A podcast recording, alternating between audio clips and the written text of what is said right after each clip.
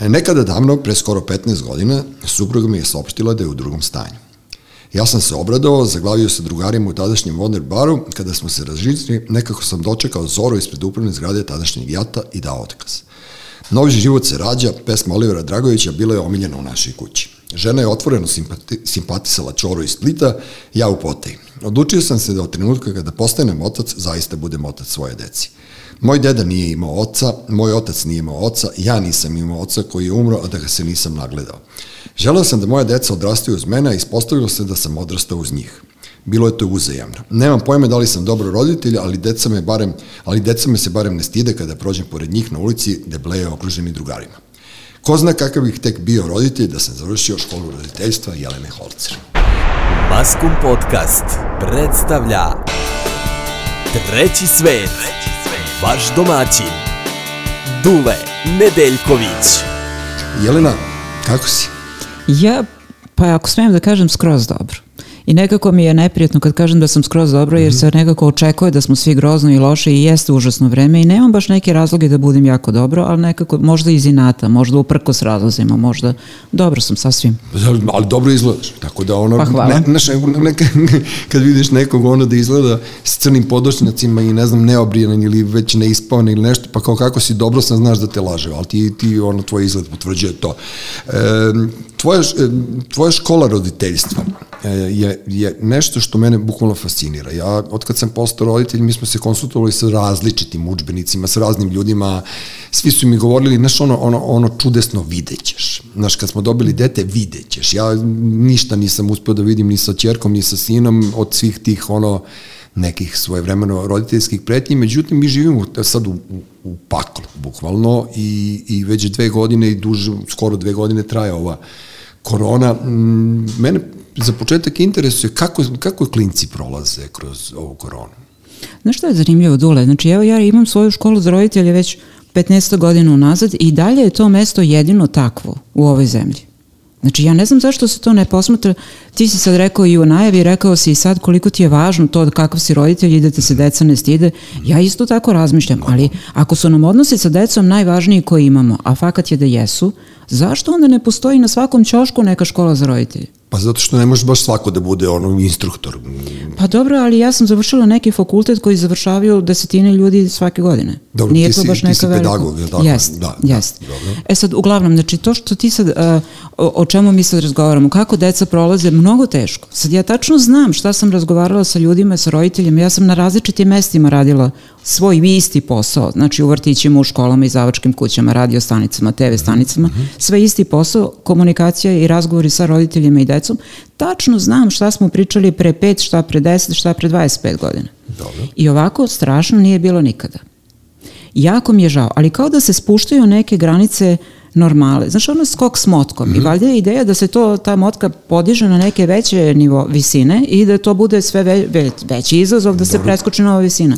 Nemam taj utisak, nego se te granice stalno spuštaju. I mi živimo, čini mi se u neko vreme kao da se navikavamo na sve manje stvari i od standarda do kulture, do svega, kao da se taj svet stalno sužava. I to osjećaju i naša deca. E, to je strašno. Znači, mi koji imamo 50 plus, mi sve znamo kako je bilo nekad. Ali tvoja deca, 12, 14, 15 godina, šta oni znaju? Oni se ni ne sećaju vremena jer nisu bili živi u to doba. Tako da je mnogo teško. E, Pa ne, ali poslednjih ono, par nedelja ili poslednjih par dana, već ne znam kako da ti kažem, dolazi do nečega što mene e, ljuti, ali bukvalno me ljuti kao gradskog tipa koji, koji je odrastao ovde u kraju i, i koji znam sve i koji sam ceo život ljubazan prema dobrim ljudima, e, ta non stop potreba da se naša deca opterećuju nekim zločinima koji su bili pre 30, 40, 20 godina i koji mi stvarno ovde koji smo iz Beograda ili koji smo bili tada u inostranstvu ili nemam pojma veze nemamo. Prvo što ja veze nemam s tima, to je moja generacija je nažalost bila ta akter tih ratova i tvoja, tu smo negde. Ovaj, kakve veze moje deca imaju s time? Meni je sin pre neki dan rekao fenomenalnu stvar, ja ne znam ko je ceca. Neko ga je pitao, znaš ti ko je ceca? On kaže, nema pojma ko je ceca. I, a onda sam ja rekao, moj suprug, ja kako bi i znao?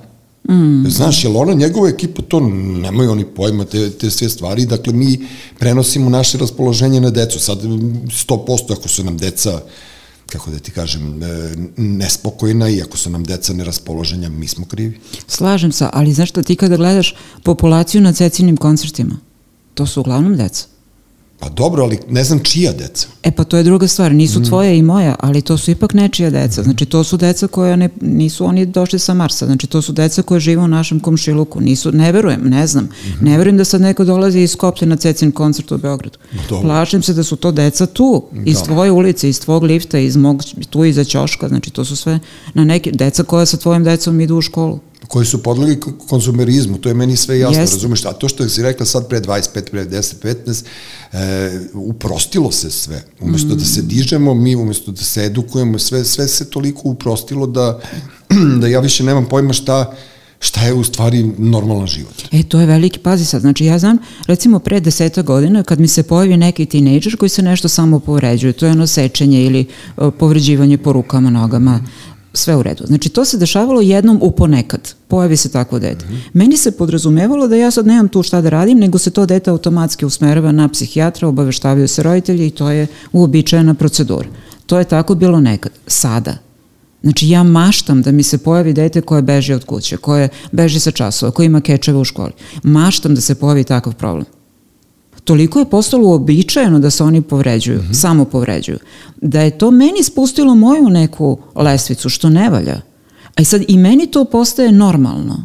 I ja te takvu decu više ne šaljem kod psihijatra. A kada razgovaram sa psihijatrima, oni mi kažu, ne mi slučajno da mi šalješ, tek oni kako imaju posla.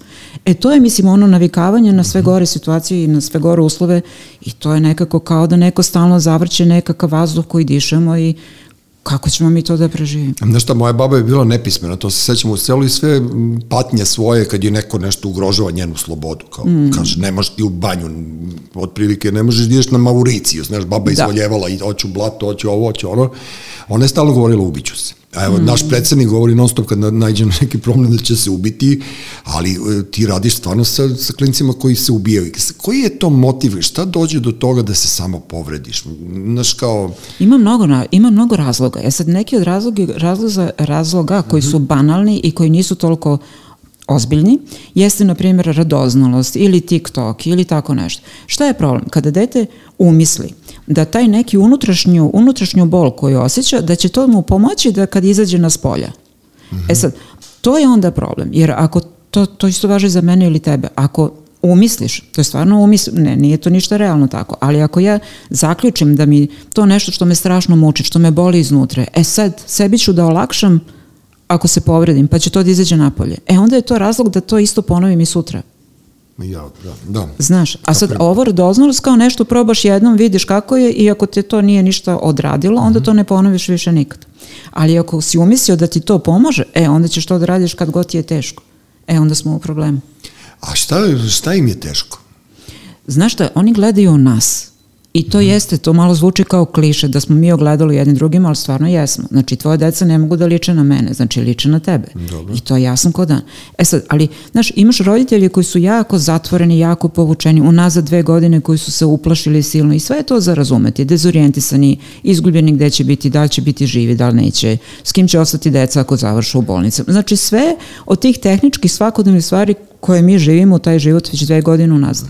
Ne moraš ti tako, takve stvari svoje deci ni da pričaš, ali već to što ono živi u tvom prostoru i što te vidi kakav si i što vidi tvoj strah i ne treba uopšte ništa da se kaže. Deca nepogrešivo emituju, očitavaju kako se mi osjećamo. E to je onda razlog da se oni osjećaju nesigurno. Ja pričam s roditeljima koji imaju malu decu, pa mi oni kažu, mi uopšte ne pričamo o koroni. Razumem ja to, ali onda dete izađe napolje i vidi da su neki ljudi sa maskama. Ode u vrtić, a tamo vaspitačica ne sme da ga zagrli. Da. Ne treba ništa da se priča, jasno kod dan da je situacija nenormalna. Tako da to im je teško. Ja znam puno tinejdžera koji hoće da se zamonaše. Zašto hoće da, se Ranije zamonaše? su, kod- u našoj generaciji su samo narkomani zamonači. Ovo nisu narkomanska da. decka. Zdrava, prava, normalna. Zašto? Čak nisu ni iz nekih porodica koji su veliki vernici. Sve Mhm. nekako umereno, čini mi se. Stvarno.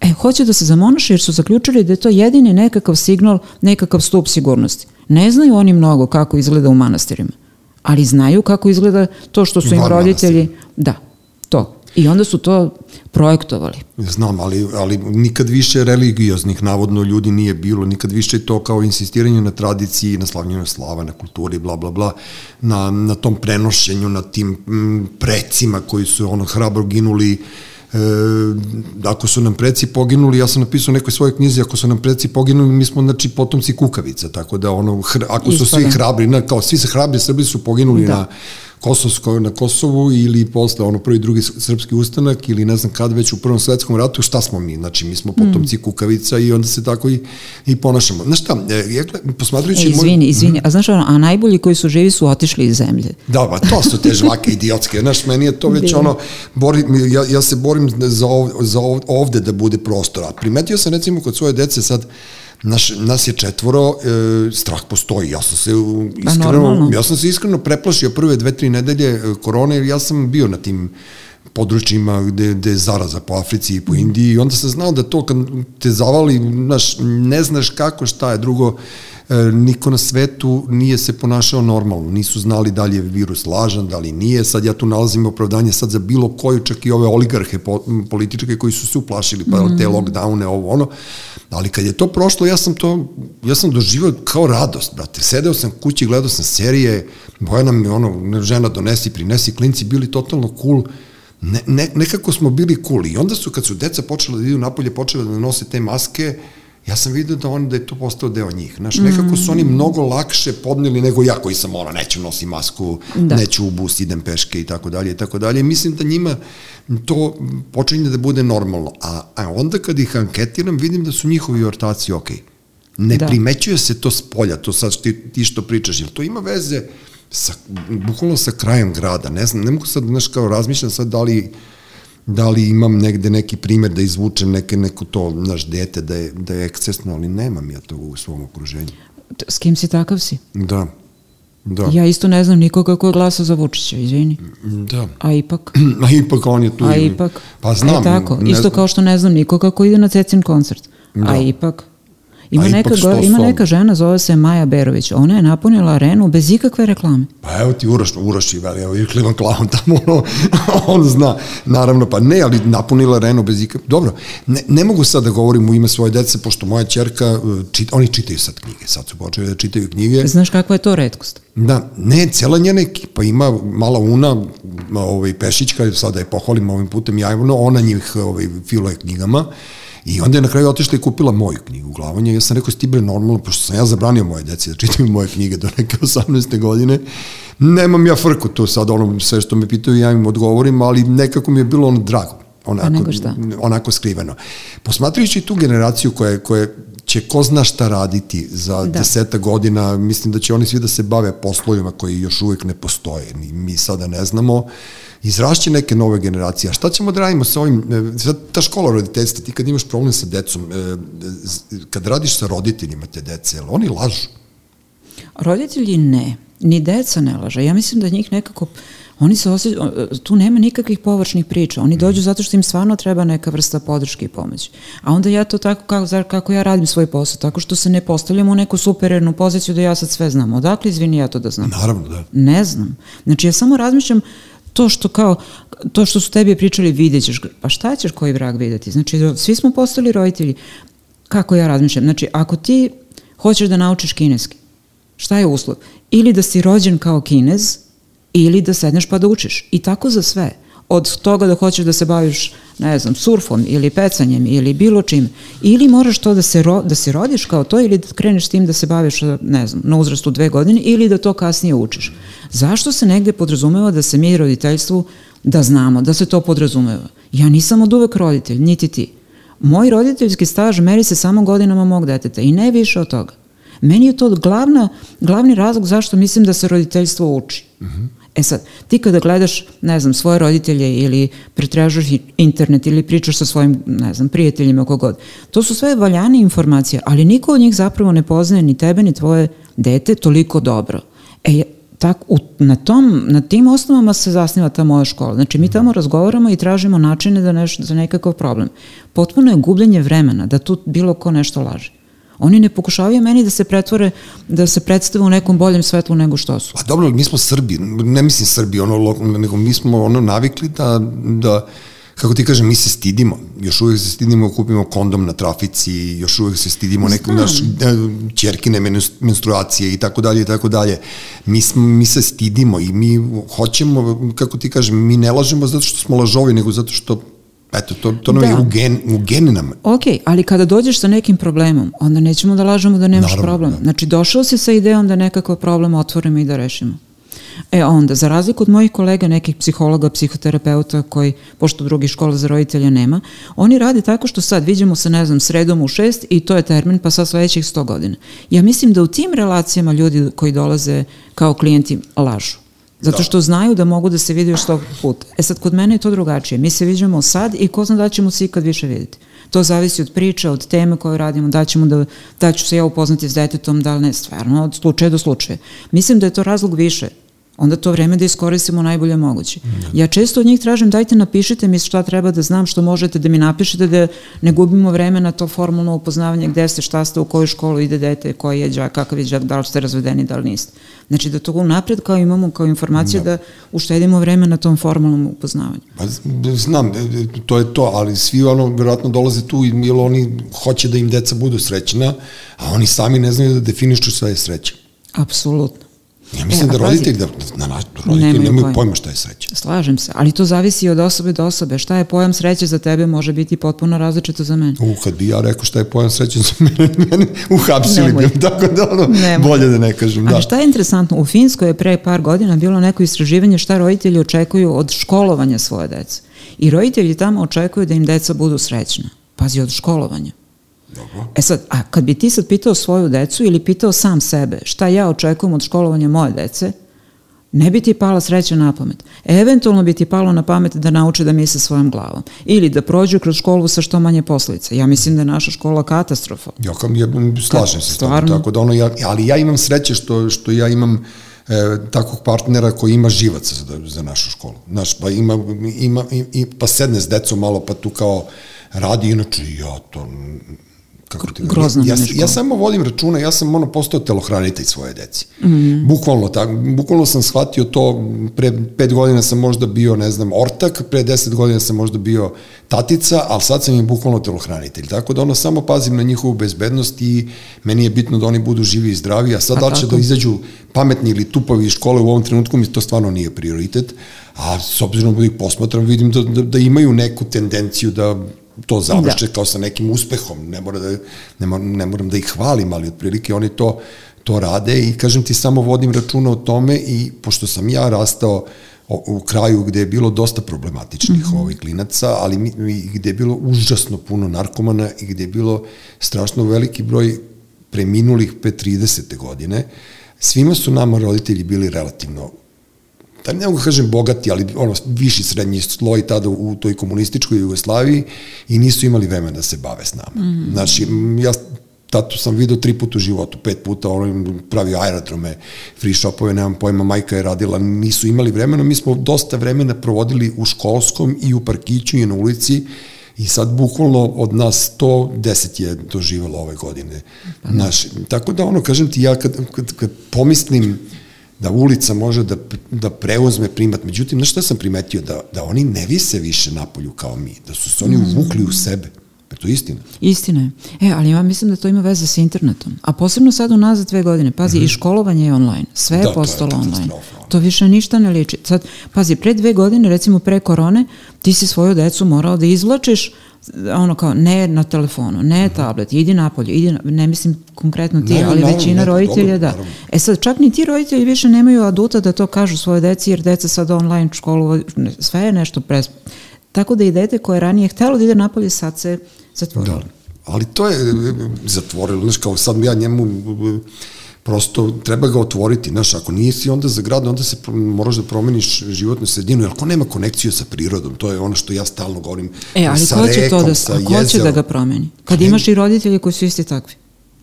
Pa šta da radimo? Ali ko će da ga promeni? Znači to, e, pazi, ako imaš dete koji, ne znam, ima 12 godina i ima mama i tatu, i mama i tata su neki normalni ljudi tu iz kraja tvog mog, koji imaju svoje živote, svoje prijatelje, normalni ljudi, čitaju knjige. E sad, i neki prosečan srpski plate. I sad, oni su nesigurni nad svojim poslovima. Znači, ajde sad da, da zamislimo ti ja jednu prosečnu srpsku porodicu. Nesigurni da će imati posao, da će ostati živi. Imaju svoje ostarele roditelje oko kojih brinu. Svašta nešto. Da. I sad, u ovoj trenutnoj situaciji, gde će oni? Jer ti ako izmestiš dete iz grada, treba da imaš nekakvu odstupnicu gde ćeš s tim detetom. Treba da imaš kakav takav neki finansijsku neku zaleđenu Ne možeš baš, možeš ti kad si sam, a kad vučeš porodicu sa sobom neku vrstu odgovornosti od toga da ih prehraniš pa nadalje.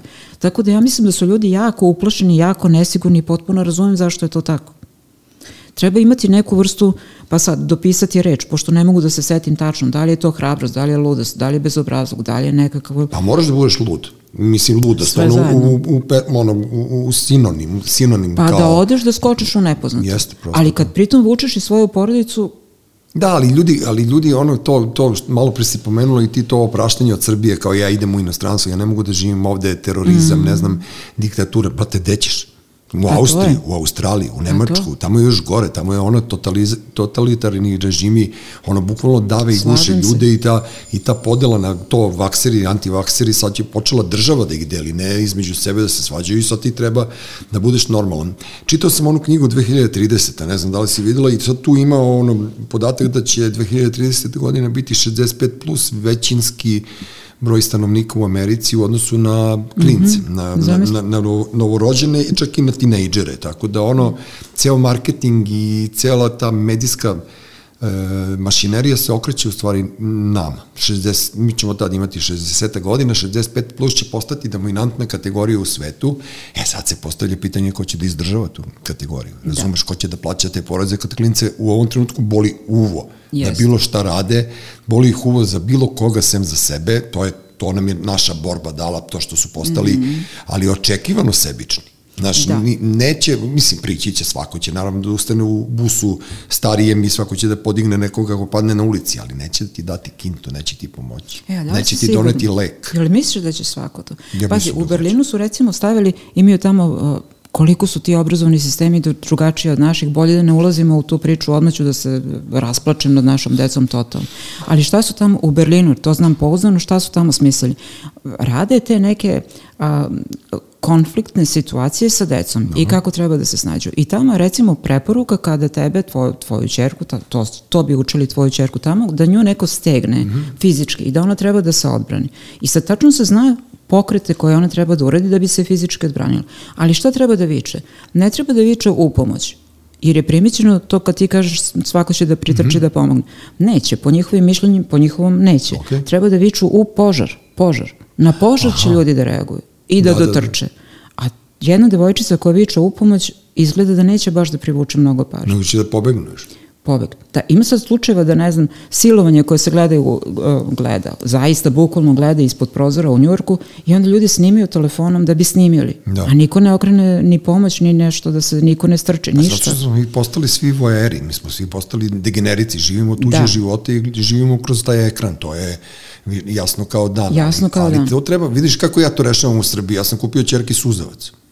Pa da. Mislim, i onda sam mi rekao, bude li ti neko prišao na metar? Izvoli pa se brani. Ne, bude li ti neko prišao na metar, a da ga ti nisi pozvali ili da ne znaš ko je da. rokne ga tim suzavce, pa ćemo posle da se objašnjavamo šta da. i kako je. Jel ovde, e, pričao sam sa Anđelkom Milićević, ona je svoje vremeno imala, doživala taj neki napad e, u blokovima mm. i ona je otvorila školu borilačkih veština poput tebe što imaš mm -hmm. školu roditeljstva, on ima školu borilačkih veština i bilo mi onako strašno drago kad je ona na meni pokazala šta može da mi uradi. Otprilike ono Odlično. polomila bi me za sekundi pa da žena ima 1,60 i 30 kg. Tako da treba se boriti. Škola roditeljstva koju ti vodiš i te sve knjige koje pišeš i, i sve što radiš... E, šta da li, sa mnom da li, nije u redu? da, šta s tobom nije u redu kada nisi mogla to da uvučeš u sistem? Vidi, ja radila u školi, pa radila u vrtiću, pa radila koje kude. I od mene se uvek očekivalo da ja sad kao imam neke odgovore. A ja nekako slabo lažem i neću da lažem. A posebno što sam starija, sve manje hoću da lažem. Da. Nemam te odgovore, nemam ni čarobni štapić, nemam ništa. I onda kada mi tamo u vrtiću dođu neki roditelji sa pitanjem šta oni da rade, ja ne znam šta oni da rade vidim njih prvi put, da li sam uopšte primetila njihovu decu. Ja stvarno verujem da se to učimo tom roditeljstvu. Ne možemo to da znamo na pamet. Nismo rođeni kao roditelji. Tako da, pošto nisam, ja sam na svake dve godine menjala svoje posao. Treba da vidiš tu radnu knjižicu, to je sramota da, da pričam. To je kao nečiji pasoš. Moj. Znači sve lepo prijavljeno, uredno, sve ono kao doprinose, sve to ima svojih prednosti.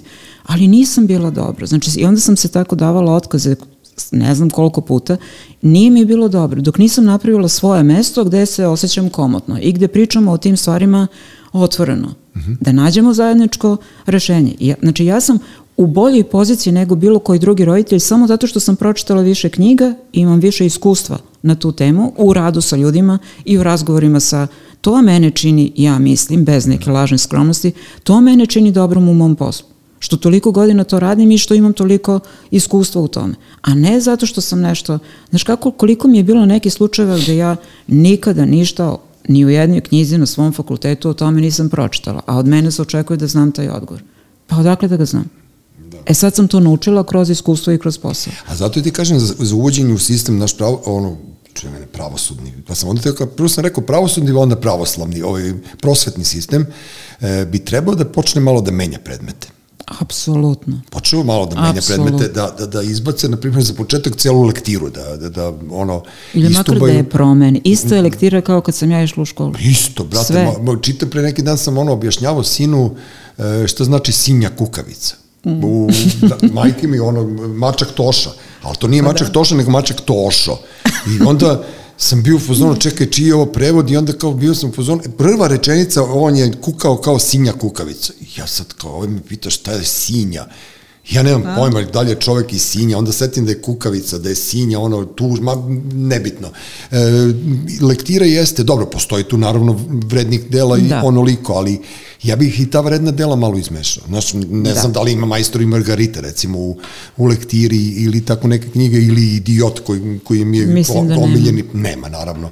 Ali treba promeniti 21. vek, 20, 20, 21. koje smo mi? 21. godina 21. veka, brate, mili, mi još uvek živimo u 19. Da. I mi se još uvek ponašamo kao u 19. Nama su žene još uvek za šporetima, a deca tu služe za ukras i da, da, da najjači sin ostane na imanju, da naj, najbolesniji ode u školu da, da, da yes. uči škole, otprilike, i, i dolazi do toga da smo mi zatupili, jer smo mi uveli taj, taj ne seoski način života, nego kao preselilo se to, to u grad. Mm. Da najstariji bude kod kuće, da bude neki zanatlije ili da se snalazi, a da najmlađi uči, da se samo jedno dete ono školuje, a školuje se u ovom sistemu da ništa ne znaju. Mi smo da. izbačeni sa svih ono lista koje su preko, seti se kao u naše vreme šta je značilo imati diplomu u SFRJ. E, da. Razumeš? Da. Tako da ono, da. E, sad umesto to što ti sad pričaš, da, da moja čerka uči kako se odbrani od, od ludaka koji ne, žive taj anime život. Mm. One, ono, oni, oni toliko gledaju tu televiziju, toliko gledaju te filmove crtane i te TikTokove da oni više ne znaju šta je stvarno. Apsolutno. Oni ne znaju koliko, svoj, oni ne znaju koliko snagu imaju. Oni ne znaju što znači brzina. Oni ne znaju što znači kad udariš skijama u drvo, njima to znači da je smešno, a ne mm. da će da pogine, oprosti mi Bože, ili tako nešto. E, I sad kao taj neki ministar prosvete, kako ne dođe na, na ideju da, da, da tebe pozove ili da ti njemu nešto ponudiš, neki projekat ili već pa, ne znam šta? ne znam. Istini, istini za volju, mene su nekoliko puta zvali da radim u Ministarstvu prosvete i ja onako vaspitano, kulturno odem na te razgovore za posao i izađem posle 15 minuta. Znači, na što se to svodi? To su neke memljive, zadimljene prostorije gde neke žene sede i to je evaluacija učbenika, na primjer. To je jedno njihovo odeljenje. One čitaju učbenike i to zvuči fenomenalno. Da čitaju učbenike i da pronalaze greške, mane, zamerke, sugestije, da to pišu, šalju nekom, na nekom višem telu od sebe i oni njihove greške usvajaju ili ne usvajaju, ali da se to... I sad ja pitam tamo, dobro, posle ne znam, 15 godina rada, koliko je vaših sugestija uvršteno? A ona kaže, nije jedna. Bože, zašto? Pa zašto ja onda to da radim? Da. Iz kog razloga? Ja mislim da ovo što ja radim, da bi trebalo stvarno da postoji pod nekim državnim krovom. Ja imam mali tim stručnjaka, znači to su logopedi, nutricionisti, defektolog, sve ono što je meni palo na pamet da nekom roditelju može da zatreba. Ja stvarno ne znam zašto to ne postoji pod nekim državnim krovom, ali ne postoji. I po oni, oni narodnoj ko će ako ne ja i kada ako ne sad, tako smo to napravili. Evo vidiš sad si pomenuo nutricionistu, toliko debele dece ima da, Jest, da je to nenormalno. Više znaš, nego ikad. Ne, ali ima neke slike po internetu, znaš kao plaža u, u Americi 70 i plaža u Americi 2020. Ono, ono ranije sve ono, ne znam, s pločicama da. zgodne žene i sad su sve ono debeli, ono kao sa mišalinove, one, one Jest. gume. Znači, treba da se edukuju, ono, ali sve se promenilo i treba da ih edukuješ i o ishrani, treba da ih edukuješ i o tome kako se hoda ulicom, treba da ih edukuješ o tome da bukvalno, ja mislim da su ljudi zaboravili kako se prelazi ulica. Sad se oni mm. šibaju tamo između veronauke i građanskog vaspitanja, ja sam, pravo ti kažem, ni ne znam gde mi deca idu. Mislim da su građansko, ali mm -hmm. ja, ja ne znam šta njih mogu građanski da nauče od mene. Dođe tako neko sa, sa neke tare ili šare preko SNS-a se zaposli i on mi uči decu gradu. Mislim, ne možeš ti. Ne može. Znači, kako, kako učiš decu da preživljavaju u prirodi, tako treba da ih učiš i u gradu da preživljavaju. Okolnosti se menjaju. Mm. Znaš, i meni je prosto, kažem ti, znam koliko se trudiš i znam koliko, koliko truda ulažeš u sve to, ali kao, koji su rezultati? Ali imaš satisfakciju, uspeš nekad nekog da preobratiš? Pa ja imam jako lepe ovaj, feedback, nekakve reakcije nazad i onda se, po... znaš što je zanimljivo? Znači neka deca koja su ranije recimo dolazila na uzrastu od 5 godina, to sad govori o tome koliko sam ja matora u stvari, mm -hmm. koji su dolazila sa 5 godina, pa onda zbog toga što se ne viđamo u, ponekad, vrlo redko, u kontinuitetu se viđamo dok traje neka tema ili požar koji gasimo, e onda oni prestanu da dolaze, ali dođu pa imaju, ne znam, 8, pa 12, pa 18. I sad ta mala deca, znači ja se mnogo grlim sa tom decom od uvek, to mi je nešto ne znam, način kako se pozdravljamo. E sad imam neku decu koja mi dolaze, a ja moram da se popenjem na prste da bih ih dohvatila da se zagrlimo. Znaš, imam nekako divne te ove, ljude koji se iskreno da budem, ja sam većinu njih zaboravila jer toliko toga da, prolazi da, da, da, da neki put imam utisak sramota me, neki ljudi me gledaju na ulici, smeškaju se, klimaju glavom pretpostavljam da smo, da smo bili u tom kontekstu, ali kao zaboravila sam. Tako da imam rezultate, ne mogu da kažem da nemam. Posebno, ne, posebno sad, kad imam toliko tih lepih reakcija. Onda sam ja držala gomilu nekih predavanja pa seminara. Sad hoću da jedan ciklus predavanja koji se zove Svesno roditeljstvo, koji se na tome bazira. Tek ti kad si dobro u svojoj koži, tek onda možeš da budeš dobar roditelj, dobar muž, dobar komšija, dobro da. sve. Tebi je to naravno, ali većina ljudi nije. Ja ceo život slušam od roditelja, moje dete je moje, pa sad spisak, moje sve, moj svet, moj... Pa jeste, djavo. Da. Nije? Nije. Nije, nego je taj roditelj da sebičan, bude. da. Ne treba ni da bude. A znaš šta je meni bilo? E, ja sam, moj, ja sam jedinac razbaženi degenerik, ono, u smislu to, imao sam sve, nisam morao da delim nikad mm. ni sa kime. I moj prvi roditeljski uspeh, moja supruga ima brata, je bila kada je donala čokoladu i rekla, evo vam podelite. Ja sam rekao, ne, to se ne radi. Njoj čokolada, njemu čokolada. Mm. Nema delenja, zašto bi delio, šta ćemo, zašto, zašto ih učiti tome, neka, neka iz svog se bičluka počnu da, da, da. nude nekom drugom. To je bilo moj, ne, neka moje, tako, ja više to instinktivno radim, razumeš, ne, ne, nekako ono, e, imam filozofiju da deca treba da se uče na mojim greškama, a ne na mm. njihovim, pošto ja moram često da krijem šta sam sve radio u životu. Ne da ih lažem, nego prosto ne želim da steknu, ne znam, sliku, da, da, da, da, da mogu sve da rade. I prosto, i, i, nemam point, ja, ja ne lažem svoju decu. Oni kad mm. me pitaju, ja im odgovorim, ali no, roditelji često lažu svoju decu. Mnogo laže, ali, ali znaš šta mi je ni, ni, ja, zašto misle, zašto. ali nije, kako, zašto misle da će to da prođe? A onda se posle čude kada deca lažu njih. Da. To se, ne, ali to se to samo nekako, vrati, da. Apsolutno, to je kao bumerang, naravno da će da se vrati. Ili znaš, ti ako detetu daš na uzrastu od 5 godina mobilni telefon da ga učutkaš jer ono je nemirno pa plače, ne znam šta. Pa nije onda da se čudimo kada na koju godinu kasnije mi sedimo za trpezarijskim stolom svako bulje u svoj telefon ja, i nema komunikacije uopšte. Znači, to se stvarno vrati. Možda se ne vrati istog sekunda, ali se vrati.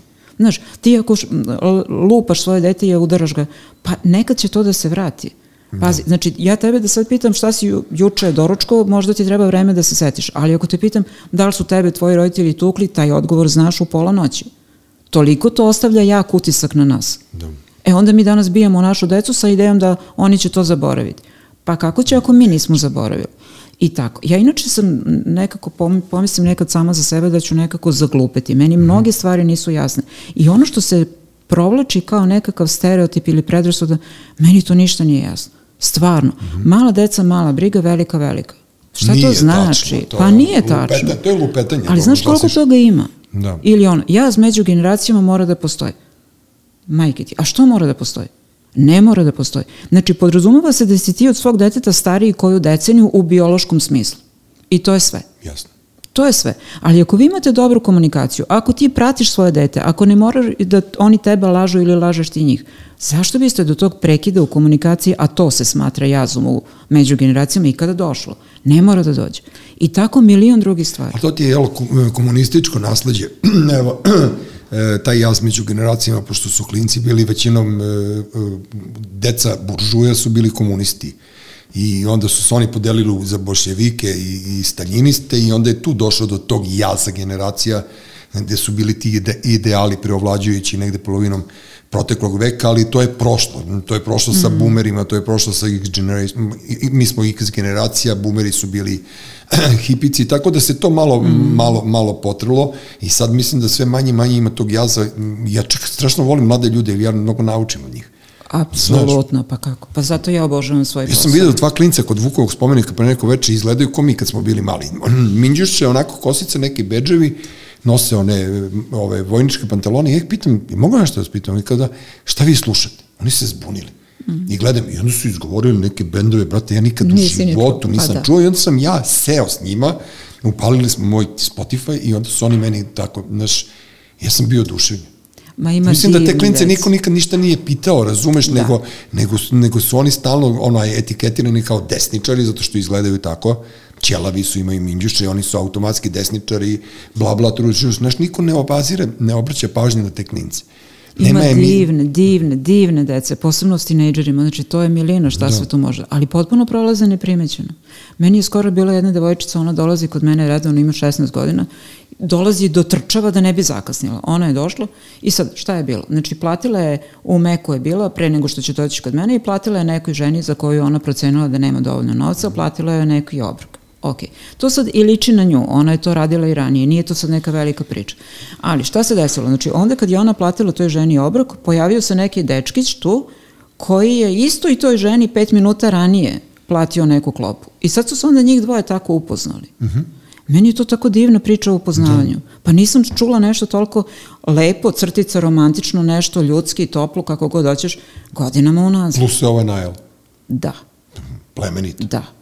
Pa Onda su oboje sedeli s njom, razgovarali. Mm -hmm. Ja sad prič, pričam s tom, to, to se sad zove klijenta, u stvari toliko volim tu decu, ne znam, ka, nisam našla samo drugi izraz za to, otprilike. Profesionalni drugari. I ja kažem, pa dobro, a taj dečko što, što je platio, kakav je, mislim se, je li čemu, hoće tu biti nešto među vama i naravno da hoće. I sad, to sad ja, možda sad ja tripujem da, neke to... svoje misli, ali valjda se ljudi po nekom principu sličnosti ipak pronalaze i kad imaju 16 i kad imaju 116 godina. Meni to daje neku vrstu nade. Ima divne dece.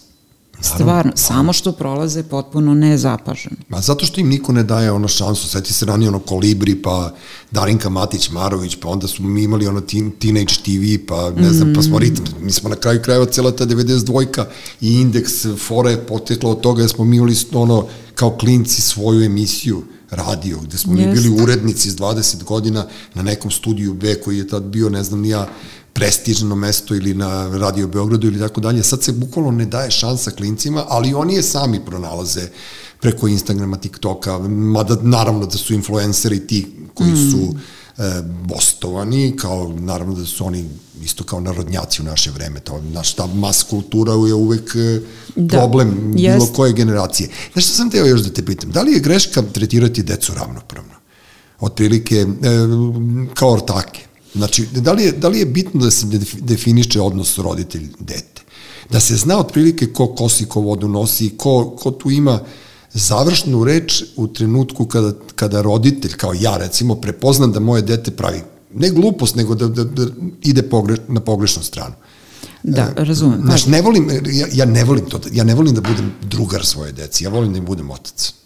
To je Možda... Pazi, ali oni će svoje drugare da nađu među svojim vršnjacima. Ne, to je jasno. Kao da. A drugog tatu neće nigde da nađu. Da, znači dobro je biti... Apsolutno, dobro je ali imati... mi mo, i moraš, mislim ne volim reč moraš, ali ne. u stvari moraš. Znači ima dve divne definicije roditeljstva. Po jednoj, roditeljstvo je jednako ljubav plus granice. Dobro. E sad, U ljubavi uglavnom ne pogrešimo, svi obožavamo našu decu i to je jasno. Ali u granicama, ljudi koji greše sa granicama greše u tome. Misle da je u redu da svoje deci budu drugari. A moraju da se znaju nekakve granice. Druga definicija roditeljstva, davati detetu, detetu koren plus krila, što je otprilike isto to koren je simbol za neko utočište, da. da bome tom, dom, toplota, sigurnost, gde se dete osjeća dobrodošlo sa celim paketom svojih dobrih i loših osobina, a krila jeste simbol toga da ti kao roditelj pustiš svoje dete da ono odleti uslovno rečeno u spoljašnji svet, tamo bije neke svoje bitke, nešto, mm -hmm. pobeđuje, gubi, jer ima gde da se vrati. U da. ovaj dom koji se napravio dok su oni bili još sasvim mali.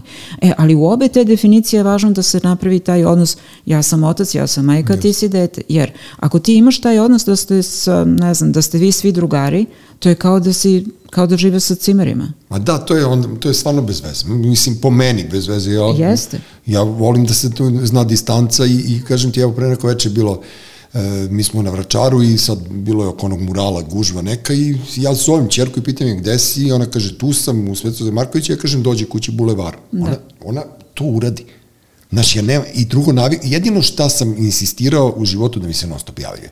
Mm. E, ja sam se javljao gde god sam bio, šta god sam radio, ja sam se moje majici javljao uveče da, da je kaže spavaću pa makar gde, gde samo da god. da čuje da sam, da sam živ i da još uvijek funkcionišem i onda oni meni stigli smo, došli smo, stigli smo, došli smo, da znam da su prešli to, od tačke A do tačke B, da su to bezbedno uradili i na tome insistiram. Jedino to što imaju od mene, A ovo drugo, što ti kažeš, nek se snalaze sami. Znaš. E, ali moraju, znaš, tvoj posao jeste da ih osposobiš da u tom spoljašnjem svetu budu samostalni, da tamo bio neke svoje bitke i da se vraćaju samopouzdani, da ih nijedna ta spoljašnja stvar nešto posebno ne destabiliše. Naravno.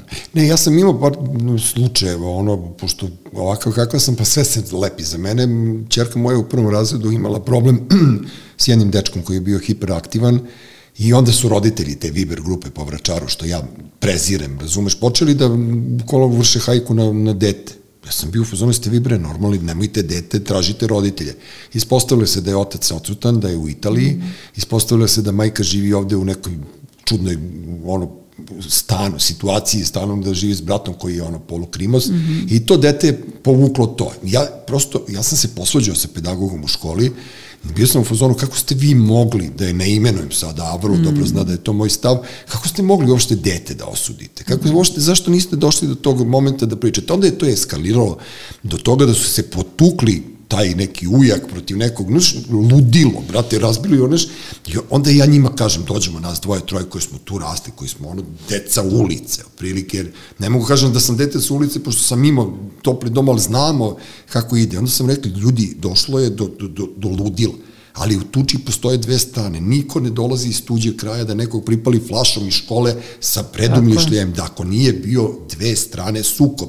Dok se to raščivijalo, to je došlo do toga. E sad šta se tu dešava? Direktorka škole je meni rekla kad smo došli, ja i moja supruga, svi su dolazili na razgovor, rekla sedite da vam kažem. Ja sam rekao ne, sad ćeš ti da slušaš šta ću ja da ti kažem. Znači, odmah sam je oduzeo to vi, odmah sam uzeo predsiranje, jer moje dete je bilo u pitanju. Znaš, i onda sam ja tu prepoznao da nema tu tolerancije. Da li sam ja tu bio bezobrazan ili ne, ali ispalo da sam ja na kraju bio u pravu. Znaš, naježio sam se na to situaciju, znači roditelji treba da reaguju. Mali su, jebate, da je imala, Anja imala 7 godina, tad šta ona može da odluči? Ne može ništa i moraju roditelji da reaguju. No što je meni žao? Znači u našem sistemu školstva uvek se nekako akcentuje dete koje je problem. Na roditeljskom sasnaku, na otvorenim vratima, na onim čosovima. Znači uvek se priča o detetu koje pravi problem. A zato deca koje su fina, talentovana, vaspitana prolaze potpuno nezapaženo. E sad, to dete koje se akcentuje kao problem, ono u stvari dobije dodatnu pažnju. I to je na nekakav uvrnut način, bolje bilo kakva pažnja nego nikakva, Just. i ono samo bude zalivano dalje da neguje to svoje ponašanje. I zato mi imamo problematične, ti danas kad čitaš novine, osim ako nije strada i taj neki polusvet, sve ostalo što čitaš jesu nekakvi krimusi i nekakvi da. pro problematični likovi. Zato što su normalni likovi dosadni, Ali onda ta naša deca, tvoja, tvoja da. čerka ili moja, znači oni prolaze tako nekako skrajnuti i naravno da onda moraju da se zaštite. Ja strašno navijam za to da dete ume da se odbrani. Ne mora prvo da inicira neki sukob, ali da se odbrani verbalno, fizički, kako god hoćeš. Mm -hmm. Ti kad ukucaš recimo na, na Google verbalna samoodbrana, ne izađe ti ništa. Kako, izvini, to moguće?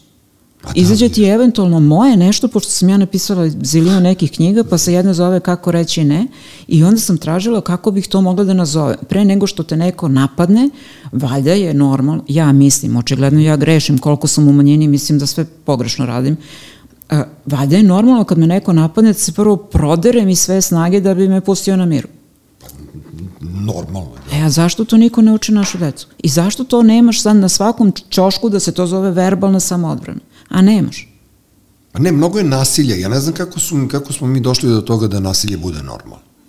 To je veliko pitanje. Ne, ozbiljno, kao, znaš, kao ranije, ono, sećam se u našoj generaciji bio neki lik koji je kajšem tuko svoje dete, kao, znaš, kao, i onda kao, moj tata prođe pored njega i kao zdravo. Ja kažem, što se javljaš ovom degeneriku? Mm. Bukvalno tad, mi smo bili ta buntovna, znaš, e, to je taj jaz generacije, mm. nekako, e, zato, je, zato se tu, mno, mi, smo, mi smo deca, e, ono, de, deca, dece koje su rođena pre ili za vreme drugog svetskog rata.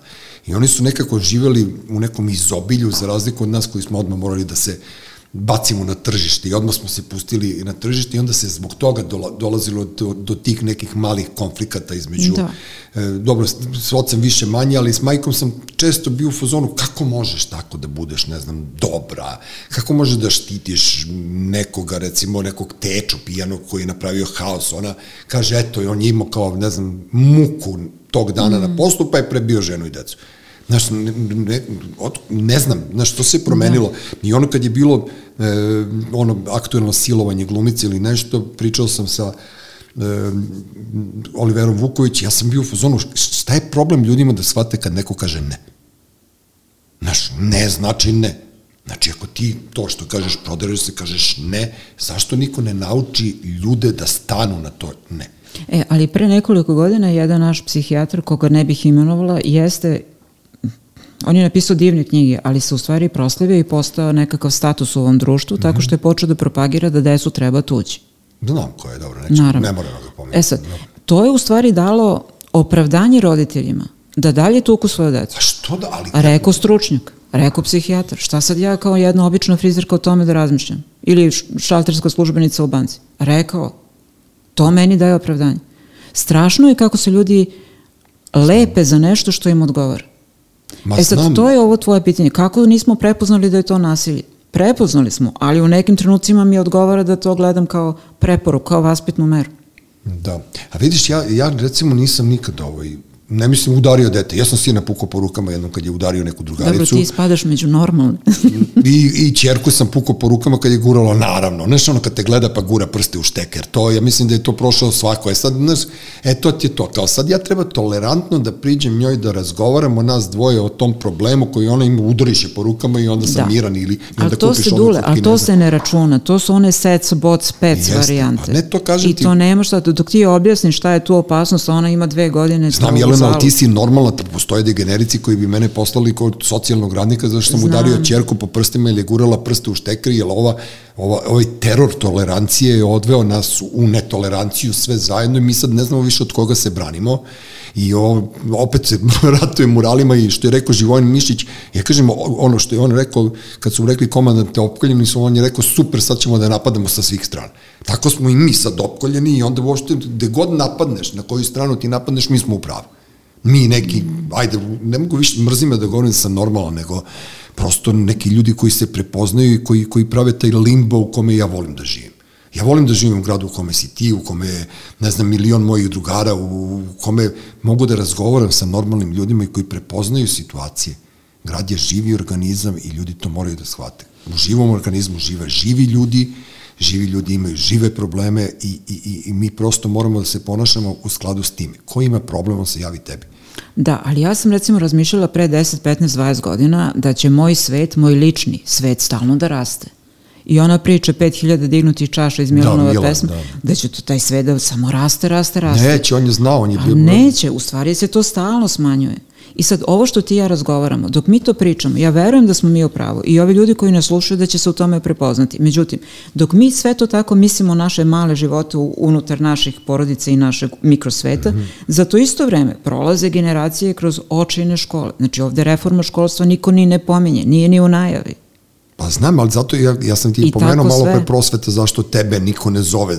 Ne bih apelujem. ja išla. Pa ne, dobro, ali moglo bi da daš instrukcije nekome ko bi, ko bi otišao. Pa moja žena se pre neki dan neki projekat je bio pa se ložila kao da će da ode kod Družića. Ja sam rekao, sti bre normalno. Ono, otprilike, ti ljudi su tu samo da bi ono završili svoju ono kombinaciju koju yes. imaju i da pale odavde, bre, neće niko ovde, niko ne razmišlja šta će sutra biti. Yes. Pošto smo došli do tog nivoa da da je ovde vulgarnost, prostakluk ili ne znam šta postalo ono kao dominantna kategorija, a to nije tačno. Ja idem po ulici slobodan. Znaš, ja sad kad bi živao po Twitter, pa pravili me bi odavno bio mrtav. Mene bi ubili, ispalili, koliko su me puta psovali ili ne znam šta radili, a meni niko nikad nije prišao. Nikad me niko nije rekao ružnu reč na ulici, niti sam ja nekom rekao, sem ko, ko naravno ne zaslužuje. Šta sam teo te pitam, e, pošto mi sin u ovom trenutku puni 12 godina i pravi žurku na gajbi i ja sam ovaj sa srećom došao da snimam ovaj podcast ovde Srećem, da bi pobegao, da, da bi pobegao od, od cele te ekipe. E, šta se radi? E, ja sam odrastao, kad sam odrastao, mi smo išli na severnu utakmice, Zvezdine. I prošao sam neku, neku priču onako vrlo bezazleno, ali bilo je svega i svačega. I sad ja se strašno plašim da moj sin to ovaj, ne, ne uradi, što sam ja radio. E, kako prepoznati to kad uđu u, u pogrešnu gomilu? Kako se A to ste razgovarali? Pa, znaš šta, on još uvek ide sa mnom. Znaš, on još uvek ide sa mnom, ja i gledam po tom školskom, već je počelo malo kurčenje. Što je i prirodno i normalno i negde mora. Znam. Ali, znaš šta... Na razgovaraš, razgovaraš, razgovaraš. Znači, znaš da je ranije bilo pravilo, nešto... znaš da je ranije bilo pravilo da muškarac do 15. godine mora da dobije batine, bar jedno. Mm. To je to. Mene su, mene su ono, prebili kod pionira na klizanju i to je jedini put kad sam dobio batine u životu. Pošto sam posle, kad god mi neko prilazi tako prvi, prvi bio taj koji je udarao. Otprilike, znači svako prođe tu inicijaciju ja se sad plašim, ovo je mnogo dobar sin moj, znaš, onako plemeni, dobar. Ali znaš da ti uradiš dobru pripremu, na primjer. Pa ne, gledam ja čerku moju, ona je, ona je drugačija malo. Ona je... E dobro, ali kad pričamo o sinu, znači mm. uradiš dobru pripremu za sina, mm -hmm. e sad to bi podrazumevalo da obaviš ne jedan, nego hiljadu jedan razgovor, pre svega da bi se ti smirio, ne on. Pričam, I, I pitanje je šta deca uopšte slušaju dok mi pričamo, da. ali znači da bi se ti smirio, obaviš dobru pripremu. A onda, kad ga pošalješ, pošalješ ga sa instrukcijama kao što Anja ima suzavac. Znači, Jeste. pošalješ ga sa instrukcijama. Ako se desi to i to, ti uradiš to i to. Ima mobilni sa sobom sve vreme. Naravno, naravno. Ako ništa drugo, čekaš ga tu iza ćoška. Ne, ako bude ja. neka frka. I ja mislim sa jednim, dva, tri, pet takvih iskustava mm -hmm. i nje, on će da se okuraži pa će to da mu postane normalno, a i tebi. Da. Ali negde užasno je to kad se izgovori naglas, ali da lupi svojom glavom u svoj zid ipak mora. Pa ne, to, to mi je jasno, znaš, i sad samo, ja samo čekam taj moment kad ću ja da otpustim tu barku, da, da, da lupa, da lupa da. malo glavom. O, o po nekom mom iskustvu, deca su mnogo spremnija, zrelija, sposobnija nego što mi mislimo. Jer mm -hmm. iz te potrebe da ih zaštitimo, mi ih nekako gledamo kao neku, ima neka priča u astronomiji kad gledaš zvezde, ne, oni su recimo 8 im po minuta negde udaljeni u trenutku kad ih gledaš da oni više nisu na tom mestu, da, nego možda trepne, ni ne da. postoji, da. nešto ne, mm -hmm. da. A ti to ne znaš, jer kad ih gledaš imaš utisak da gledaš pravo u zvezdu. Ja imam utisak da je to sa decom. Mi ih ne vidimo u onoj tačci, a razvoju u kome oni jesu. Oni su zreliji, sposobniji, pametniji, svašta nešto, samostalniji nego što smo mi u stanju to da vidimo. Ma preživi ono dete kada ga ostaviš u kutiji na nekom pragu, ga neće, neće sada koji su ono, ne, mi ih ono onesposobljavamo našo. Previše zaštitnički, da.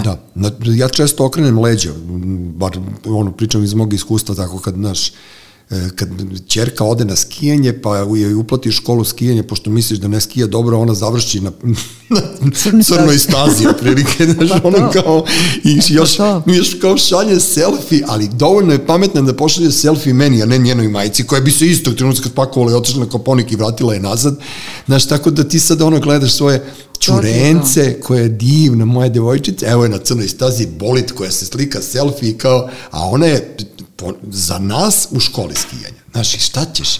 A e, meni pa drago. To. Evo ja sam sad ne ježim, meni drago bilo. E pa to ti je e, to. a to ti je taj trenutak, ti zažmuriš i čekaš ta 3,5 minuta, 4, koliko, te, koliko se spuštaš, Nadaš pa kao javit će se kad dođe dole, znaš. Nadaš se najbolje. Ma da, tako sam imao sam te, te nešto ima na moru, sin uđe u vodu, tačno ne mogu da ga stignem ako počne da tone. Znaš, kad krene ka nekoj bovi ili tako nečemu i tu sam ja pregoreo, valjda, valjda treba da pregoriš. Apsolutno, ma nekad Ne da računaš na njih, ono, kako ti kažem, računaš na njih. Ali vidi, Dule, ako si ti napravio dobru bazu, Ma nemam pojma. Šta se onda brineš? Ne mislim ti lično ili ja, nego generalno svako. Ako napravimo dobru bazu sa tom našom decom, onda ih pustiš u taj svet nekako relativno miran. Mm -hmm. Jer pazi, uticaj vršnjaka mora da postoji, uticaj medija mora da postoji. Sve su to rizični uticaj na što će da liči. Ali ako je ta baza iz kuće dobra, onda će i uticaj medija i uticaj vršnjaka da bude slabiji. Jasno. I brzo će da prođe. Pa ne, ali kad kažeš mediji, moji klinci ne gledaju naše medije. Znači, to, to apsolutno, ja mislim da ne postoji klinci koji gledaju Farmu, Zadrugu, koji gledaju Marića na Happy-u, koji gledaju Dnevnik RTS-a, ja mislim da je to zabluda. To gledaju roditelji. Ne, ali gledaju roditelji, to je zabava, zabava za degenerike, ona matore, razumeš, i oni gledaju, ali mislim da klinci sve manje i manje imaju ovaj, e, i, istrpljenja i nerava za svoje roditelje. Ozbiljno ti kažem. Ja mislim da oni kao misle da su, da su generacije i generacije roditelja luzeri. Jer oni ne, njima ne mogu ništa da, ne mogu, da omogući. Znaš, ja sam mogao ranije da ižickam pare za more od roditelja, da odem u London i tako. Ovi danas ne mogu, jer oni, roditelji ne mogu da prežive. A to je samo stvar u tome što nisu dovoljno spremni da se angažuju u životu i da shvate da ne postoji više bre državni posao. Moramo svi da radimo 15 poslova da bi živeli normalno. I radit ćemo dok ne budemo pali s nogu i nema više penzije, nema više ono, kako se zove, ona 13. plata, pa bonus, pa ovo, pa ono. Nema, brate, moraš da uđeš u rudnik i da kopaš. I ako misli. tako. I onda će dete da te ceni. A neće dete da ceni nekog ono mrzovoljnog, debelog oca ili majku koji gledaju iz zadrugu. A znaš šta se meni čini? Sve se slažem, ali mislim da to što ti pričaš, to je neko zadovoljstvo poslom. Mhm. Ja mnogo verujem u to da ti moraš da budeš zadovoljan svojim životom, a posao je samo jedan segment tvog Pa života. naravno, pa. E, onda si ti pravi car u očima svoje dece. Da. Kad si zadovoljan ne samo poslom, nego si zadovoljan životom. I imaš neku porodicu koju neguješ, imaš neke prijatelje, smeješ se s nekim društvom, piješ po kafanom, šta god te čini srećnim. Mene, E to, kad pijem po parkuju. gde god. gde god. Da, Ali da. to, ja mislim da je to onda dobar primjer detetu. Ma dobro. Znaš, a ne samo ja radim posao koji volim. To je važan segment, ali nije jedini, nije dovoljan. Ba ne, ti znaš neke moje drugare, ono, Goricu, Jelicu, ti znaš da smo mi ono kao svi ono, odrastali u smehu. I Pa to je divno, ali to je Ne. toliko lepo i redko. Ali, ali onda smo se pokvarili. Znaš, onda je do, došle su godine koje su nas pokvarile. Ne, ne Da. njih dve koje sam pomenuo, nego tu ekipu koje, među koje smo mi bili, onda sam, ja ih, sta- ja ih obezujem mala. I onda stalno pitam, malo, šta se desilo sa tim ljudima, znaš, kao, mm. e, i onda, I onda gledaš njihovu decu i onda shvatiš da, da, da, da, da, da oni nisu bili, da su se oni u stvari folirali. Majke mi rođene, gled, da? gled, Pa to. ver, veruj mi, evo, ja znam 3-4 ono primjera koji imaju decu nažalost su takvi kakvi. Ali ne mislim u lošem smislu, ne pravi oni nikako, nego eto, znaš, kao neko se tu ušao u neki privredni kriminal, neko je, neko je napravio prekršaj misleći da može da diluje drogu nekažnjeno, neko je e, ono, voli isti pol i tako dalje i tako dalje, ali bukvalno, znaš, naleteli su na one main probleme. Onako, izudarali su se svi ti koji su se krili, koji su svoje vremeno pravili se da su ono kao gotivni, a nisu bili gotivni, nego proračunati. E, ali nekako deca to vrate. Pa to ti kažem. Uzalud je, mi svi samo nešto lažemo po, po ceo dan. Znači, ja, ako mo, ja mogu da kažem svom sinu, idi sedi uči. Hoće malo sutra. Pa kad bi to tako lepo i to, lako re- ajde bilo. reci to moje ženi, molim te. Znači, kad kaže sinu, idi, reci, idi sedi uči, on to ne radi. A ja joj to kažem, da ne radi. To se ali neće ni da radi, pa nema šanse. Pa znam. Ali nekako je licemerno to i da očekujemo. Pazi, a, Normalno, pa pa da. ajmo, ajmo realno. Znači, ako ja provodim vreme tako što, slažem se, neće deca da gleda zadrugu, ali ako ja provodim vreme gledajući zadrugu, parove, Marića, šta god nešto od tog Da. džubreta silno, pa kako ja da očekujem da moje dete čita lektiru? Pa ne možeš, naravno ne možeš. Ali mnogi ljudi to tako i rade. Da. Znači, ja sam roditelj, ima da sluša šta ti ja kažem. A Znaš što sam provalio još uvijek? Da, da, da, da imaju kratku pažnju. To sam provalio. Ranije sam ja, m, kakav god da sam nestrpljiv, koleričan, ne znam nija šta, ja sam slušao. Ili sam imao strpljenja da odgledam film. Jer smo išli u bioskop pa smo gledali film. Ovi moji nemaju strpljenja, oni ustanu na 15 minuta, bilo šta da se dešava na filmu, ili ne znam čemu, oni to ili vrate, ili premotaju, ili ono, znaš, to scrollovanje, m, mislim da su im ob, oboma prsti, ma koliko su oni napolju i sa loptom i sa ekipom, mislim da su njima palčevi, oni su tom generacija i oni su navikli na to, znaš da je ceo taj TikTok i sve to scrollovanje u stvari poker mašina. Znači, to navlačite na tu foru i, i taj, taj kratka pažnja im nije baš ono, nije, nije jača strana, to sam provalio, a drugo kad odu u bioskop oni gledaju one ludačke filmove koje ja ne mogu da izdržim pet i po sekundi unutra, ono 3D mm. ili neko, neki zvuci, tako da ne znam, valjda će da izrone iz celog tog, ne, nemam pojma. Znaš što je zanimljivo? U Americi, u Kaliforniji, u Silikonskoj dolini ima nekoliko škola koje su napravili ljudi koji su, ne znam, direktori u Apple-u, Microsoftu, Yahoo i takvim mm -hmm. kompanijama. E sad, u tim školama, oni su ih napravili za njihovu decu. U tim školama, od sve elektronike i svih mogućih gadžeta, znaš šta postoji? Samo sijalica. Ništa mobilni, ništa laptop, Dobro. ništa pametna tabla, ništa. I šta rade, gledaju sile?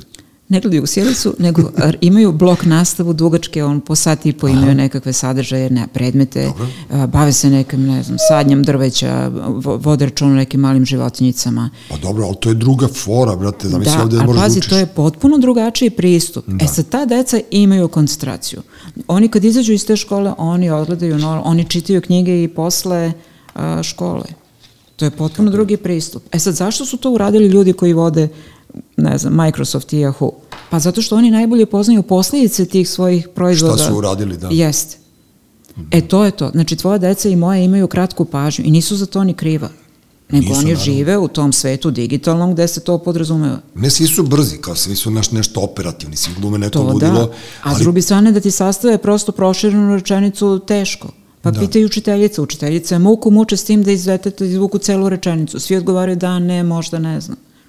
Što Jeste. kraće, to bolje. Ne, ja se sećam kad su se pageri pojavili da su najgluplji imali pager. To je ono bilo, da. I onda, znaš, kao, zvonim u pager, onda on, on toliko je neophodan tom nekom koga je zvao, da on istog trenutka mora, to ti isto kao ovi što pričaju telefonom Keep kada voze. touch, da. da. da, da, kao oni voze, oni toliko su neophodni, baš u tom trenutku su nekome neophodni da moraju da pričaju s njim. Ja, meni ceo život telefon na silentu stoji, tako da ono kome nađe našao je, ja bih volao, vidio sam da je Duško Kovačević još uvijek ima fiksni Videla telefon. sam, pa divno. Pa ne, on, čarobno. znaš ko još ima? Iva Draškić, Mucija Draškića, moja školska drugarica, ćerka Mucija Draškić, ona isto, ona je, ona je sad dekan e, filološkog, ona nema mobilni telefon. Ma Ona, ako je Fenomenalno. nađeš gajbi, nađeš, ako je nađeš u kancelariji, nađeš si i to ona, a sretna, lepa, slatka, onako Ništa ne nasmejana, fali. troje dece, ništa njoj ne fali. Ma da. Znaš, tako da ću ja ono, vrlo brzo da roknem ovaj mobilni, ali ne znam gde mi je fiksni, inače bi ga bacio ja odavno. Ne, stvarno, da. stvarno ne znam. Ja ne bih mogao, recimo, bez tih nekih, ono, ne znam, volim laptop, volim što mogu da slušam na telefonu muziku, kao što imam taj mm. Walkman i to je sve, ono, A ne, meni je okej da se koriste te prednosti. Pazi, to je sad kao da ti meni kažeš ne mi da, da kupuješ hleb, nego mesi hleb kako tvoja baba mesila hleb. Pa može i tako, ali ako mogu da odem da ga kupim, meni je u redu da koristimo prednosti ovog sveta u kome živimo, Naravno, samo da ne ide u to preterivanje. Da. Znači, sve dok ja mogu da pročitam knjigu u fullu, da čitam satima i da mi ostane telefon na, na mute mm -hmm. i da me ne vuče da ga pogledam. Dobar I, si. dobar sam. Ma to ti je to, da, da, da. Znaš, imam koncentraciju, znači nisu, nemam posledice ovog digitalnog sveta. A čim primetim da imam posledice, mm -hmm. onda ću da se to... A šta misliš o life coachevi? Sve najgore. Ako mogu to tako da kažem. Pa to... Ali pazi, oni nemaju nikakvu školu za to što rade i to mi je strašno. Pa dobro, ali... A može da se neko, znaš, neka osoba u nevolji da se tamo zaleti sa stvarno Pa dobro, potrebom to- da mu to se su- pomogne. To su moderne vračare. Pa ja, šta ja me sam briga? išao kod vračare, brate. Majke mi rođena, ona je meni svašta... Kod vračara, ne, za njih nemam ništa protiv, ali za life coachove Ona, astrolog, vračara i sve to, ali life coachevi, ne, ja, ja znaš kao, ustani i reci dobro jutro sam sebi nasmislio ogledalo, čoveče, daj ono, reci mi, ustani, idi, idi tamo, ima, ima kinta da se zaradi. Znaš kao, Ne mogu to da... Meni je to strašno. Meni je to kao da zalepiš neki flaster na ranu od metka. Ne znaju ljudi E, da to je tro, tako. to ti je to, ne znaju ljudi da troše pare. Ovi novo bogataši što su prodavali imanja tamo po selima pa došli da žive u Beogradu, oni ne znaju da, je, da troše pare. Kupe pomeranca, kupe bišona, maltezera, ne znam, ja stave veštačke zube, usne i Čekaj, kao... pomeranec, to je ono malo kučence što Da, ono liče što na... laje, brate, ono, ja imam retrivera, tako da, da je to to. Jelena, da te ne davim mnogo, pošto ono, kao, rekla si mi sve što sam žela da mi kažeš. Stvarno? Da, da sam dobar roditelj. Ništa mi drugo. Ništa te drugo nije Ni- zanimalo. Ništa, mene drugo, ovo, ovo je apsolutno samo zbog toga sam te pozvao. Ne, šalim se, volao bi da, da, da ljudi čuju za tvoju školu roditeljstva, Jelena Holcer, na, googlajte, ko ne zna, ne googla, otprilike to je to. I izdala si knjigu sad za Lagunu, što, će, što je dobro, zato što Laguna ima 2,5 miliona knjižara ovde i prosto će biti e, Znaš tiražna... šta je zanimljivo? Ja kako sam šta kapirala u životu, tako sam pravila te knjige i to Mhm. je, m, m, mislim, to po naslovom, naslovima ti je jasno. Znači, kad sam ukapirala kako treba da se lakše uči, da se uči za manje vremena da, bih se, da bi se naučilo sve što treba i da to ostane nekako dugoročno pamćenje, onda sam napravila knjigu koja se zove Pravila uspešnog učenja. na primjer. Onda kad sam, na, ono, kako reći ne, kako se odbraniti od nekih sileđija koji imaju isto godina koliko ja, onda sam napravila knjigu koju se zove Kako reći ne. Onda kad sam ukapirala da moram ja da budem uspešna sama sa sobom u svojoj koži, da bi moje dete imalo nekav šansu da bude uspešno, onda sam napisala Uspešan roditelj uspešno dete. Onda kad sam se razvodila, onda sam napravila knjigu 100, 100 pitanja a, o razvodu, najčešćih pitanja o razvodu. Onda kad sam ukapirala da a detetu se ne podrazumeva da ga ja obožavam najviše na svetu, nego to moram da mu pokažem. E onda sam napisala knjigu koja se zove 101 način da detetu pokažete da ga volite. Tako da ja kako šta kapiram, ja tako o tome napišem knjigu. E sad, ova knjiga se zove Kako se čitaju deca mm -hmm. i ne bi ona nastala da ne beše prošle godine onog lockdowna pa karantina, ne bi se ja baš svrtala na mestu da to da koncentrišem to, da. se i da to napišem. Tako da Laguna je prepoznala da je to njima zanimljivo i evo, tek je se pojavila u oktobru i izašla knjiga pa da vidimo kako će to da prođe. Prođe se dobro, zato što ono, proći će dobro, bolje nego isto, zato što oni umeju da plasiraju na neki način te knjige, a i ljudi, ljudi su radoznali što se toga tiče, tako da, Znaš, kad čitaju life coacheve, bolje da čitaju tebe, otprilike. A video sam, da, ne znam da li si u toj knjizi ili negde, i time bi da završim, rekla da ako deca ne znaju da ti kažu, neka nacrtaju. Da. To je to. Da, znači, apsolutno. Ono, kako? Kako što pa, da protumačim crtež? Ajde da naučimo ljude. Evo kako, pazi, znači ti, uh, ljudi to stvarno ne znaju. Ja, ja znam da... recimo čiraglišu da nacrtam. Sad ja kad me pitala koji je tvoj problem, ja bi ti nacrtam čiraglišu. Ne, ok, nešto. ali vidi, znači mm -hmm. deca na uzrastu 6, 7, 8 godina, oni poznaju samo za četiri emocije, ne Dobro. poznaju ovaj dijapazon emocija koje imamo mi. Oni poznaju jednu emociju, to je strah, jednu emociju tugu, jednu emociju ljutnja ili bes i pod četvrtom emocijom se smatra one lepe, prijatne emocije, mhm. sreća, ljubav, zadovoljstvo. E sad, a dete može da osjeća nešto potpuno deseto, što nije, ne ume da ti verbalizuje, ne znam kako se to zove, ali mislim da nije ni važno. Ali kad bismo mi sad recimo sa decom razgovarali, to sad što osjećaš, znači da ne insistiramo da se to zove A, B, C ili D. To što osjećaš, prvo što ti padne na pamet, koje je boje? Koje veličine, je li ima oblik, je li ima nešto. I onda kroz te asocijativne odgovore ti dobiješ neki odgovor i dobit ćeš sliku kako se tvoje dete osjeća. Ne morate ni da crtate. Asocijativno. I onda ćeš da dobiješ sliku da dete to, ne znam, da ono ima osjećaj da mu sedi crveni slon na grudima. Ako to dobijete kroz te asocijativ, tebi je jasno kako se osjeća tvoje dete. Kako bi se ti osjećao da imaš crvenog slona na grudima? Teško, brate. Teško. Da. Može da se priča sa decom bez insistiranja da oni to sad znaju nešto. Ili, da. ajde da crtamo, ali ne moramo da crtamo tužnog smajlija ili tužnog čičaglišu ili šta god da bi se to pokazalo tuga. Ajde da žvrljamo. Da, da, da. Kako se osjećaš? Ne sad ja crtam kućicu, cveće i drveće, nego žvrljam zato što sam ljuta ili bez. Da, u žvrljotini je bes.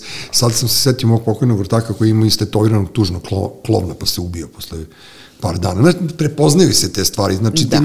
definitivno treba samo voditi računa i samo treba prepoznavati i koristiti prilike i, i biti što više prisutan. I biti zajedničko. Pazi, roditeljstvo je zajednička stvar tebe i tvoje dece. Znači, yes. oni rastu, ti ih pratiš kroz sve njihove faze, ti mm. se menjaš kako se oni menjaju, ti učiš od njih, oni od tebe, to je zajednički uzeman mm -hmm. proces to što smo mi roditelji, to ništa ne znači da smo mi sad neke pametnice, a da su oni glupi. Da. Oni su mali, ali nisu glupi i nisu ludi Naravno. i to je nekako zajedničko odrastanje. Zajednička stvar. A reci mi, je li normalno što se ja plašim svoje čerke koja ima 14 godina kad me pogleda? On, jo bože, kakav ja pogled kod nje prepoznam, to su one sve, sve one devojke što su me mrzele, zato što sam, ne znam, otko znam, ne znam, prosto prepoznam nekad u njoj ono tamni oblak neki, ali da. to izgleda tinejdžerska fora, ne znam, faza. Može biti. Ja, Može znaš, biti. Moram da pazim šta govori pred njom. Pazi, devojčica u tom uzrastu pazi. Pre neki dan sam joj rekao zašto peglaš kosu i od tada nismo pričali jedno 15 minuta. A što jesi morao baš to da kažeš? A otkud znam, toliko mi je palo na pamet. Ne, nema. A pusti je neka pegla kosu. Najgori sam matorac postao, pošto vidiš da je moda sad da ne nose čarape, nose one nazuvke na, na minus 50. To je od uvek moza. I oni go stomaka. Nije od uvek, ali već godinama Dobro, unazad. To i sad ja pitam. I onda kao krenem da pitam, u stvari onda shvatim da sam matorac. Ja i ćuti, brate, valjda neće. Nemoj to, kada farba nokte u razne boje i kada pegla kosu, pusti. Kažeš, baš ti je lepo. baš si mi slatka, tako simpatična, tako bosa. Tako. Jelena Holcer uh, je bila gost uh, ne znam nija koje epizode podcasta Treći svet, Uroš Bogdanović, Jelena Holcer i ja. Ovaj, hvala vam puno i slušajte ovo, ova žena redko kad može da izgovori ovako nešto i ne možete uvek često da je sretnete, pošto ne gostuje nigde. Je li tako? Mrzite ne volim. Da, ne, ne volim, ne volim. A ne blam je malo ići po onim TV emisijama. Tako Ne, da tamo ne idem odavno i tamo me nekako ne vole i onda čak me bije me glas kao neće ono doći. Ja kažem u pravu ste, ne mi ti ni da zove. Jeste videli, jeste videli vas dvoje, evo samo na kraju, ne znam pa ko ćeš, pustit ćeš ovo, ovaj, za onu foru danas što se pojavilo ovaj tip što je najavljivo seriju You.